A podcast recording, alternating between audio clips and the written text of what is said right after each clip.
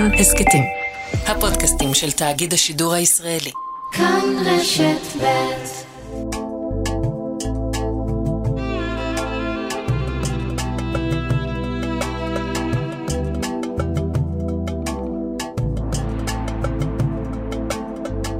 שלום, כאן ערן זינגר, ואתם מאזינים להסכת מרחבת מבית כאן רשת ב'. בכל סוף שבוע נפתח צוהר לחברה הערבית בישראל, פוליטיקה, תרבות וחיי היומיום. בפרק היום, שיחה עם נסרין שחאדה, רכזת קהילות בטוחות בארגון יוזמות אברהם. מה מרגישה אימא ערבייה כשהילדים שלה מאחרים לשוב הביתה בימים אלה של מציאות כה אלימה בחברה הערבית. ועוד בהמשך, האם אפשר בכלל לטפל בפשיעה ברחוב הערבי בכלים המסורתיים? דוקטור ווליד חדד חוקר זה שנים את הפשיעה בחברה שלו, והוא סבור שיש מה לעשות. מרחבת ההסכת. מתחילים.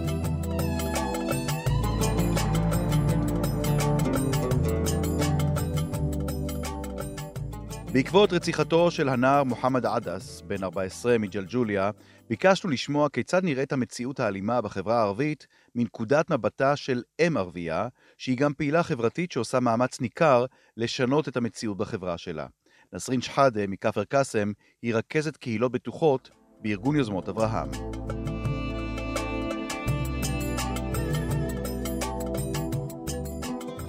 שלום וברכה. תכף אה, נשאל עלייך ועל הרקע שלך, אבל קודם כל, מה זה קהילות בטוחות? אנחנו אה, במיזם קהילות פתוחות אה, עושים בשני פרויקטים. אחד, מחברים בין הקהילה לכל הממסד הממשלי, אם זה שיטור, אם זה מד"א, אם זה כל מה, ש... כל מה שאזרח דורש לביטחון האישי שלו. מנסים להגביר את המודעות ואת הידע בכל העניין למי לפנות, ברגע שאם אתה נתקלת בכל בעיה כלשהי שהיא uh, שמה דגש על הביטחון האישי שלך. ואם כבר הזכרת את ה... לך תאונה, ולמי לפנות ואיך לפנות ואיך לעקוב אחרי הפנייה שלך. ואם את מדברת uh, כבר על uh, הביטחון האישי, אין uh, דבר מעורער יותר ובעייתי יותר מהביטחון האישי היום. ברחוב הערבי, נכון? נכון מאוד. כן, בצער רב, כן. אני רוצה, את יודעת מה, אני, אני, דווקא החלטנו שבמקום לדבר איתך על, ה, על, על, על התפקיד שלך ועל, ועל מה אתם עושים ביוזמות אברהם, אני דווקא רוצה לדבר איתך כ, כאם ערבייה. ככה לקחת את הכובע האישי שלך, ולבקש ממך לספר על איזה שינוי חל בחיים של המשפחה הערבייה, ובייחוד של האם הערבייה, בזמן האחרון לאור התגברות הפשיעה. והאלימות המשתוללת בחברה הערבית. מה, מה מייחד היום את המצב שלכן, האימהות, ההורים, אה, כשמדובר על הילדים שיוצאים החוצה אה, לרחוב? כן, אני אגיד שבתקופה האחרונה, זה כבר לא תקופה האחרונה, זו תקופה מאוד אה, ארוכה. מעל שנתיים אנחנו במקום של פחד ודאגה כל הזמן הילדים, איפה הם הולכים, אם הם פוגשים או לא פוגשים במקרה, אנשים הם, היום כל, אה, כמעט כל אחד יש לו נשק אה, בצער בחברה הערבית, ומאוד, היד מאוד קלה על ההדק, והפחד הוא חלק מהחיים שלנו. הילדים שלי, יש שני בנים, 15 ו-14, שהולכים למרכז צעירים בערב לפעילות חברתית, וזה משהו שהוא מאוד אמור להיות נורמטיבי וכן תרבותי וחברתי. ו... אבל אנחנו כל הזמן בלחץ. אה, שעה שמונה הם אמורים לסיים את הפעילות שלהם, שמונה ורבע, שמונה עשרה הם צריכים להיות בבית. ואם שמונה ועשרים הם לא בבית, אנחנו מתחילים לחשוד. ובעלי לוקח את הרכב והולך לבדוק למה הם התעכבו. וכמו כל צעירים אחרים, מדברים ביניהם, שזה מאוד נורמטיבי, מאוד כיף. אחרי האימונים, אחרי הפעילות הבלתי פורמלית, אבל כן, עם המדריכים, הם משחקים ביניהם. Mm-hmm. אבל אנחנו גם מסתכלים על כל ילד שנכנס למרכז הצעירים הזה, מי הוא, מי עומד מאחוריו, והאם באמת הוא בא להשתתף או בא לעשות בלאגן. יש, אנחנו לא, לא באמת חיים את השקט. אתם בכפר קאסם, נכון? כן. וכשמדברים על כפר קאסם, אה, ואת מדברת על, ה, על הצעירים, ועל השינוי שחל בחיים של הצעירים, ביישוב שלכם, ביישובים אחרים, את מרגישה שיש עכשיו יותר אלימות, יותר שימוש בנשק בגילאים יותר קטנים? אה, כן, אני, אני מרגישה ואני רואה שהיום כולם מדברים, כל הצעירים היום מדברים על כאילו חייב להיות נשק, אם אין לך נשק אז אתה לא גבר, אז אתה לא, לא מן, מן השורה של החברה. זה סמל סטטוס, או שיותר משפחות נורמטיביות מחזיקות היום בנשק לא, מחשש מהמשפחות הלא נורמטיביות? לא, לא, לא, זה סמל סטטוס. תסבירי, תסבירי אולי למי ש... אני חושבת, אה, זה כן. בקרב הצעירים לפי דעתי, יכול להיות שאני טועה, אבל אני רואה את זה בקרב הצעירים. אני חושבת המשפחות הנורמטיביות, וזה 90% מהחברה שלנו, אין להם נשק בבית. אני מדברת על המשפחות ועל ההורים, והם כן אה, נגד אה, כל העניין של אלימות ונשק, הם מנסים להכניס ולהסביר לילדים שלהם שלא. מהמם. מי שהיום מחזיק בכוח זה, זה המיעוט, וזה לא עובר את ה-10%, משפחות, זה לא משפחות, אנחנו לא יכולים להגיד על, על משפחת פשע, אין מושג כזה, יש חבורה של אה, פושעים ומאפיונרים. אין ולא אנשים אבל משפחות. בחברה הערבית שמעולם לא הסתבכו בפשע, אבל אומרים לעצמם, אני חייב להחזיק נשק בבית מח- מחשש שאולי בטעות מישהו יתקרב לכאן, מישהו, גורם עברייני יתקרב לכאן ואני צריך להגן על המשפחה שלי. וגם אם לא, אני, גם אם אני לא רוצה להסתבך, וגם אם מעולם לא הסתבכתי עם החוק, אני אחזיק נשק רק כדי להגן על המשפחה שלי. אין, אין מצבים כאלה? אני, אני מאמינה שכן יש מצבים האלה, אה, אמנם באופן אישי אני לא מכירה כי לא, לא מישהו דיבר איתי על העניין הזה, אבל אם אני חושבת על זה לעומק, כן, יכול להיות שכן. למה לא? היום הפחד שאנחנו נמצאים בו, אה, אפשר לחשוב הרבה דברים. אפשר כן אה, לעלות, אה, כאילו אחד הדברים שהיה ברצח אה, אתמול שהיה בג'לג'וליה, זה, זה נער מאוד מאוד נורמטיבי, מחונן, וההרג שלו היה באזור של אה, מכון כושר או משהו כזה. מהמם. אז אתמול, אה, אתמול אה, בעלי אומר לי, אולי הילדים שלו ילכו יותר לאימונים ולא למרכז הצעירים. כאילו כבר מתחילים אה, לפחד מכל דבר. ואז אכן, מאותו מקום אני אומרת, כן, יכול להיות. אני כמעט בטוחה שיש אנשים שחושבים ככה. איזה זעזוע יצר הרצח של אה, מוחמד עדס מג'לג'וליה? מה, מה, מה קרה ברצח הזה שלא ראית במעשי רצח קודמים מבחינת התגובות וההדים בתוך החברה הערבית? אה, לא, אני דווקא ראיתי את זה גם לפני כן. ראיתי את זה גם באותו נער שנהרג ברהט, אה, גם בן 12-13, שנהרג על ידי חברים שלו ודודים שלו. ראיתי את זה בעוד מקרים. אבל אה, כ- כ- כאשת חינוך, אני מסתכלת על הפנים של המורות שלו, שהם ילד מחונן ואהבו אותו, זה מאוד קשה. אבל זה זעזוע ש... הזעזוע שנבע זה לא, לא מוחמד עצמו, זה ה... כבר אין גבולות, אין גבולות, וכל יום סיפור אחר, ועוד נער, ועוד ילד, ועוד ילד, ואנחנו כבר... הזעזוע הגיע הרבה לפני. איך מדברים על הצעירים? מה אפשר לעשות כדי...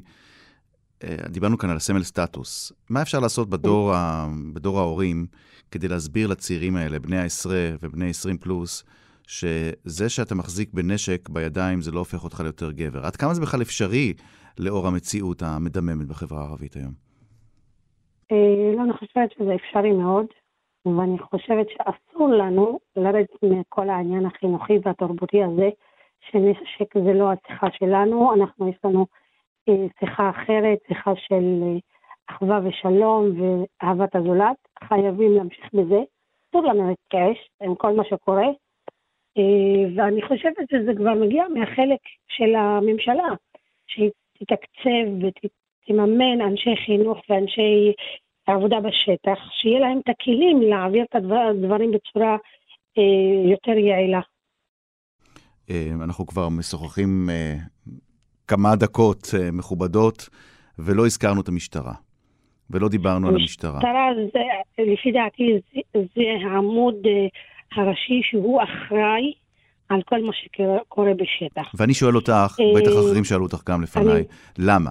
כי, כי אנחנו שומעים הרבה מאוד האשמות, ולא רק מצד פוליטיקאים, בין אם הם יהודים, בין אם ערבים, לגבי תפקידה של המשטרה, אבל כשאת מתארת לי בעצמך את uh, המקום של הנשק, המקום ההולך וגדל של הנשק בקרב אה, צעירים, וזה שזה סמל, סמל סטטוס, ומי שיש לו נשק הוא בטל, כן? הוא גיבור. מה, נכון. מה המשטרה יכולה לעשות? כלומר, מעבר לאיסוף הנשק עצמו, ש, ש, שאין ספק בדיוק. שצריך לעשות אותו, אכיפה. אבל מה המשטרה יכולה לעשות בהיבט, ה, בהיבט של, של, של, של תפיסת העולם של הצעירים האלה, ש, שבכל מחיר רוצים שיהיה להם נשק בידיים. התפיסת העולם היא מגיעה, מגיעה ממקום של אי אכפתיות מהצד התופס ב, ב, בחוקים ואנשים שאמורים לאכוף את החוק ברגע שהנשק הוא זול והוא מזדמן בכל פינה, אז הם, התפיסת העולם ממשיכה להתגבר. ברגע שאני יודעת שאני לא יכול לתפוס נשק כי יש משטרה שתבוא תתפוס אותי ותיתן לי ענישה חמורה, זאת אומרת שיש אירוע של ירי והמשטרה מגיעה ראשונה ולא אחרונה, יש כתבי אישום מוצדקים לכמות הרצח, אז תפיסת העולם תשתנה. כלומר... אני חושבת שהמשטרה עדיין לא מפנימה שהיא לא עושה את העבודה שלה. מה הדבר הראשון שאת חושבת שהמשטרה צריכה לעשות, או יכולה לעשות, אם היא מקבלת הוראה למגר את הפשיעה בצורה שונה ממה שהיה עד היום? לבצע את החוק כמו שצריך, לעשות, לאסוף את הנשק בכל מחיר, כי זה העבודה שלה וזה הכוח שלה, ויש לה את הכוח לעשות את זה. דבר שני, כתבי אישום, כל העסקות, אנחנו מודעים, אנחנו לא באים בכלל, יש הרבה עסקאות שקורים בין משטרה לבין עורך דין לבין זה, ברגע יש חמירה בדברים האלה, לא להתפשר בעסקות האלה שעושים ביניהם והקומבינות האלה, שבסופו של דבר מי שיכול להיות זה רק מי שהאימא שהילד שלה נרצח. נסרין שחאדה. מי שומט המת. נסרין שחאדה, את אופטימית? המצב בחברה שלך יכול אני, להשתנות כן. לטובה? ודאי, כן, אני אופטימית. אני אופטימית לגמרי, ואני בטוחה שהילדים שלי יגדלו עדיין וייהנו מחברה ערבית אה, מאוד, אה, כמו שאני גדלתי ולמדתי, גם הילדים שלי יהיו באותו מקום. אני מאוד אופטימית. ואת מאמינה שזה עוד יקרה בקרוב? אה, בקרוב, אה, לא, זה צריך לעבוד, אנחנו כבר, אם אני אומרת, אנחנו שנתיים כבר מחמיר המצב, וזה צריך עבודה מאוד מאוד קשה. אבל כן אפשר. נאחל שזה מה שיקרה, אינשאללה. אינשאללה. נסרין שחאדה, רכזת קהילות בטוחות באזור המרכז, בארגון יוזמות אברהם, תודה רבה שהיית איתנו. תודה לך.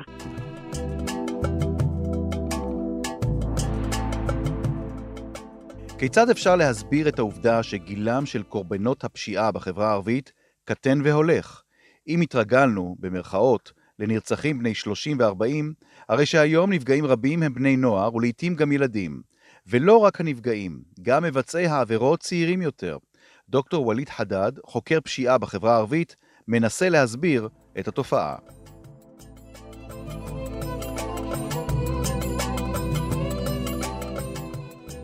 שלום, שלום. אתה חוקר ומומחה בתחום התמכרויות בחברה הערבית, היית מפקח ארצי ברשות המלחמה בסמים ואלכוהול, ואתה מתמחה בין השאר במדיניות המאבק בפשיעה ובסמים בישראל, אבל לא רק.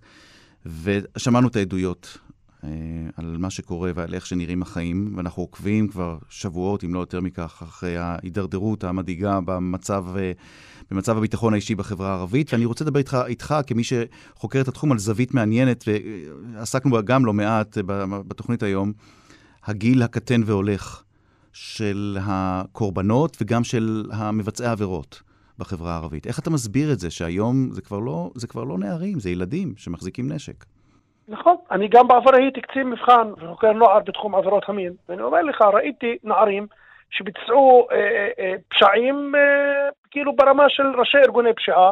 אם אתה זוכר, ב-94, משהו כזה, הרצח של נהג המונית דרק רוט, שנרצח על ידי שני נערים באזור הרצליה, גם במשפחה טובה היו. אז תבין, זה בכל העולם, ברגע שיש נשק ויש אפשרות, תמיד יש מוטיבציה אצל הנערים לבצע. וזה מה שקורה בחברה הערבית בעצם. נשק, כל ילד יכול להשיג, זה לא מסובך לקלוט נשק בחברה הערבית. מה, מה, אתה יודע מה, אני רוצה להתעכב איתך על הנקודה הזאת. עניין, העניין התרבותי. מהי המשמעות של נשק בעיני מי שאוחז בו בחברה הערבית? לא, אני קודם כל רוצה להגיד לך שזה כאילו הפך להיות מין סמל סטטוס, okay. סמל לכוח, שלא מתעסקים איתי, אבל זה מאוד חשוב וזה לא כל המאזינים שלך יודעים.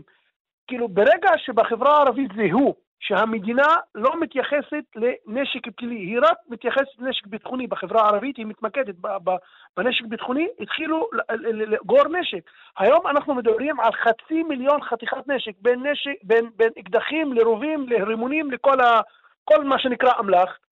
למה מדינת ישראל אפשרה בתוך האוכלוסייה שלה, בתוך חלק מהאוכלוסייה שלה, 20 אחוז, שיהיה כמות כזאת של נשק, למרות שבעבר אנשים ידעו, אני גדלתי במשפחה שאסור להחזיק נשק לא חוקי. זה לא משנה אם זה לסכסוך בין שכנים או למטרות ביטחוניות, אסור להחזיק נשק. מרגע שמדינת ישראל וזרועות הביטחון ואכיפת החוק התחילו להבדיל בין נשק ביטחוני לנשק פלילי, קרה מה שקרה והשתוללו, והמצב התחיל להשתולל. אם אני צריך לנסח מחדש את הדברים שלך, כן. אם הנשק הזה, כל עוד הוא מכוון לערבים, אז אין מוטיבציה לאסוף אותו. אם הוא מכוון ליהודים, או עלול להיות מכוון ליהודים, אז המדינה משנה את היחס שלה. זה מה שאתה אומר, כן, ולא בפעם כן, הראשונה. אני גר בשפרעם, יום כן. ראשון, שפרעם נסגרה בלילה, כאילו מסוקים וזה, חשבתי שיש כיבוש מחדש, כי נחטף, וזה אני מגנה כמובן, נחטף נשקו, הותקף חייל באזור שפרעם, נגנב נשקו, אה, מי שתקפו אותו, גם אנשים שירתו בעבר בצבא, זה לא משנה, אבל סגרו את העיר עד שהוציאו את שני האנשים שגנבו את הנשק, וטוב שכך, וצריך למצות להם את הדין, והחזירו את הנשק לחייל ולבסיס ולכל זה. זה נכון שה... שהתושבים בשפרעם, כשראו את התמונות של שני החשודים. בחטיפת הנשק מהחייל, כשהם אה, כן. מכוסות והפיות שלהם מכוסים. זה נכון ש, ש, שהציבור הערבי לא, לא התקומם על זה, כי, כי סוף סוף אה, מטפלים בזה. אמנם הצבא, כן. אבל סוף מטפלים בזה. זה מרתיע, אבל כולם, אני ראיתי את הטוקבקיסטים, את התגובות. אה, כן, כי זה נשק של חייל, וזה כאילו עבירה שמוגדרת כביטחונית. ואגב, כאן השתמשו בטכנולוגיות שהן לא אצל המשטרה, אבל זה לא מעניין אותי, כאילו, כאזרח, כמישהו שמעוניין שיחסלו את תופעת הנשק הבלתי חוקי בחברה הערבית, לא מעניין אותי באיזה טכניקות, הרי יש טכניקות במדינה, אני שמעתי את המרואיינים שלך, כולם מתקוממים ועל זרועות הביטחון, כי כולנו מאמינים שלמדינת ישראל יש את כל הכלים וכל הטכנולוגיה, כמו שנלחמה בפשע באזור המרכז, אברג'יל, אבוטבול ורוזנשטיין, והשתמשו אגב בטכניקות מהשב"כ בשביל לחסל את הארגונים האלה, אז בבקשה, יש לכם את הטכניקות, יש לכם את, את הכלים, תשתמשו ותחסלו. אל תבקשו מאיתנו לשתף פעולה. אני לא ממליץ לאף אחד שיהיה מלשין של המשטרה ויהיה מאוים מהמשפחות האלה. יש בוא... למדינה את כל הטכניקות יש למדינה כל הטכניקות לחסל את הארגונים האלה, בלי שהתושבים יתחילו להלשין, כי בן אדם מאוים, תבין, אם אני אלשין על שכן שלי, אני לא בטוח שהמשטרה תגן עליי. וזאת הנקודה החשובה כאן. כלומר, כשבאים ומאשימים מבחוץ, למשל פוליטיקאים, מאשימים כן. את החברה הערבית שהיא לא מסייעת מספיק למשטרה, זה לא שהיא לא מסייעת, היא, היא חוששת שברגע ש... או אנשים חוששים שברגע שהם ייתנו למשטרה מידע על אה, אלמוני או פלוני שמחזיק נשק, שמאיים בנשק, הוא בסופו של דבר יבוא ויפגע בהם, והמשטרה לא תעזור לו, נכון? נכון, וזה מה שקרה הרי בנתניה ובתל אביב, וזה בכל העולם. אם תיקח את הקזנוסטרה באיטליה עד לכל המאפיות בעולם, אנשים מפחדים, בן אדם נורמלי, כמוני וכמוך, מפחד להתעסק עם ארגוני פשיעה. ואז, אבל זו שיטה של פוליטיקאי להגיד, תשמע, האוכלוסייה לא משתף פעולה, תביאו לי דוגמה מהעולם שאנשים שיתפו פעולה עם אנשים חפים מפשע, לא מעורבים, הרי מתוך הארגונים אתה יכול לגייס אנשים, ואלה האנשים הטובים, מודיעים מתוך הארגונים האלה שיעידו נגד ויפילו. ככה עשו בכל העולם. אגב, מדינת ישראל, אם אתה לא יודע, עושה השתלמויות באזור רמת רחל בירושלים, אה, אה, דרך משרד החוץ, לכל העולם באים ללמוד איך נלחמים בפשיעה ובסמים. במדינת ישראל באים מברזיל ומארגנטינה, אני מרצה שם בהשתלמויות האלה.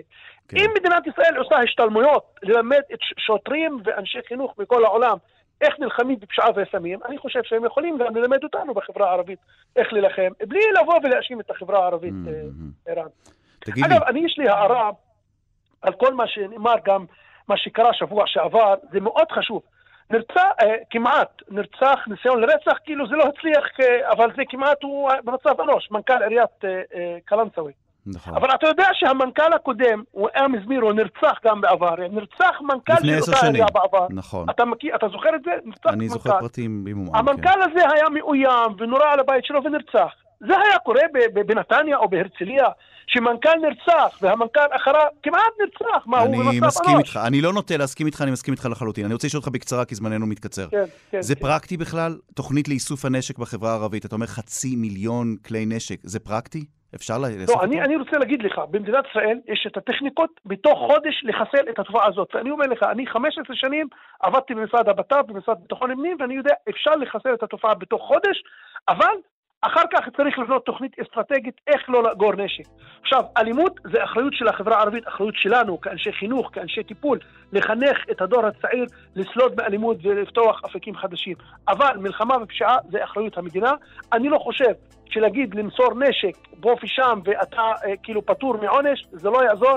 זה צריך מבצעים לאיסוף. יש את המודיעין okay. המלא, מי הם סוחרי הנשק ואיפה יש נשק, ואני אומר את זה בוודאות מוחלטת, ערן. יש את כל הכלים והמידע. המסר ברור בהחלט. דוקטור ווליד חדד, מרצה לקרימינולוגיה בקריאה האקדמית אונו, מומחה לנושא הפשיעה בחברה הערבית. דוקטור חדד, אנחנו נהיה איתך גם בקשר, חשוב מאוד לדבר איתך ולשמוע את התובנות שלך. שוכרן ג'זילן, תודה רבה לך. שיהיה לך יום טוב, תודה רבה.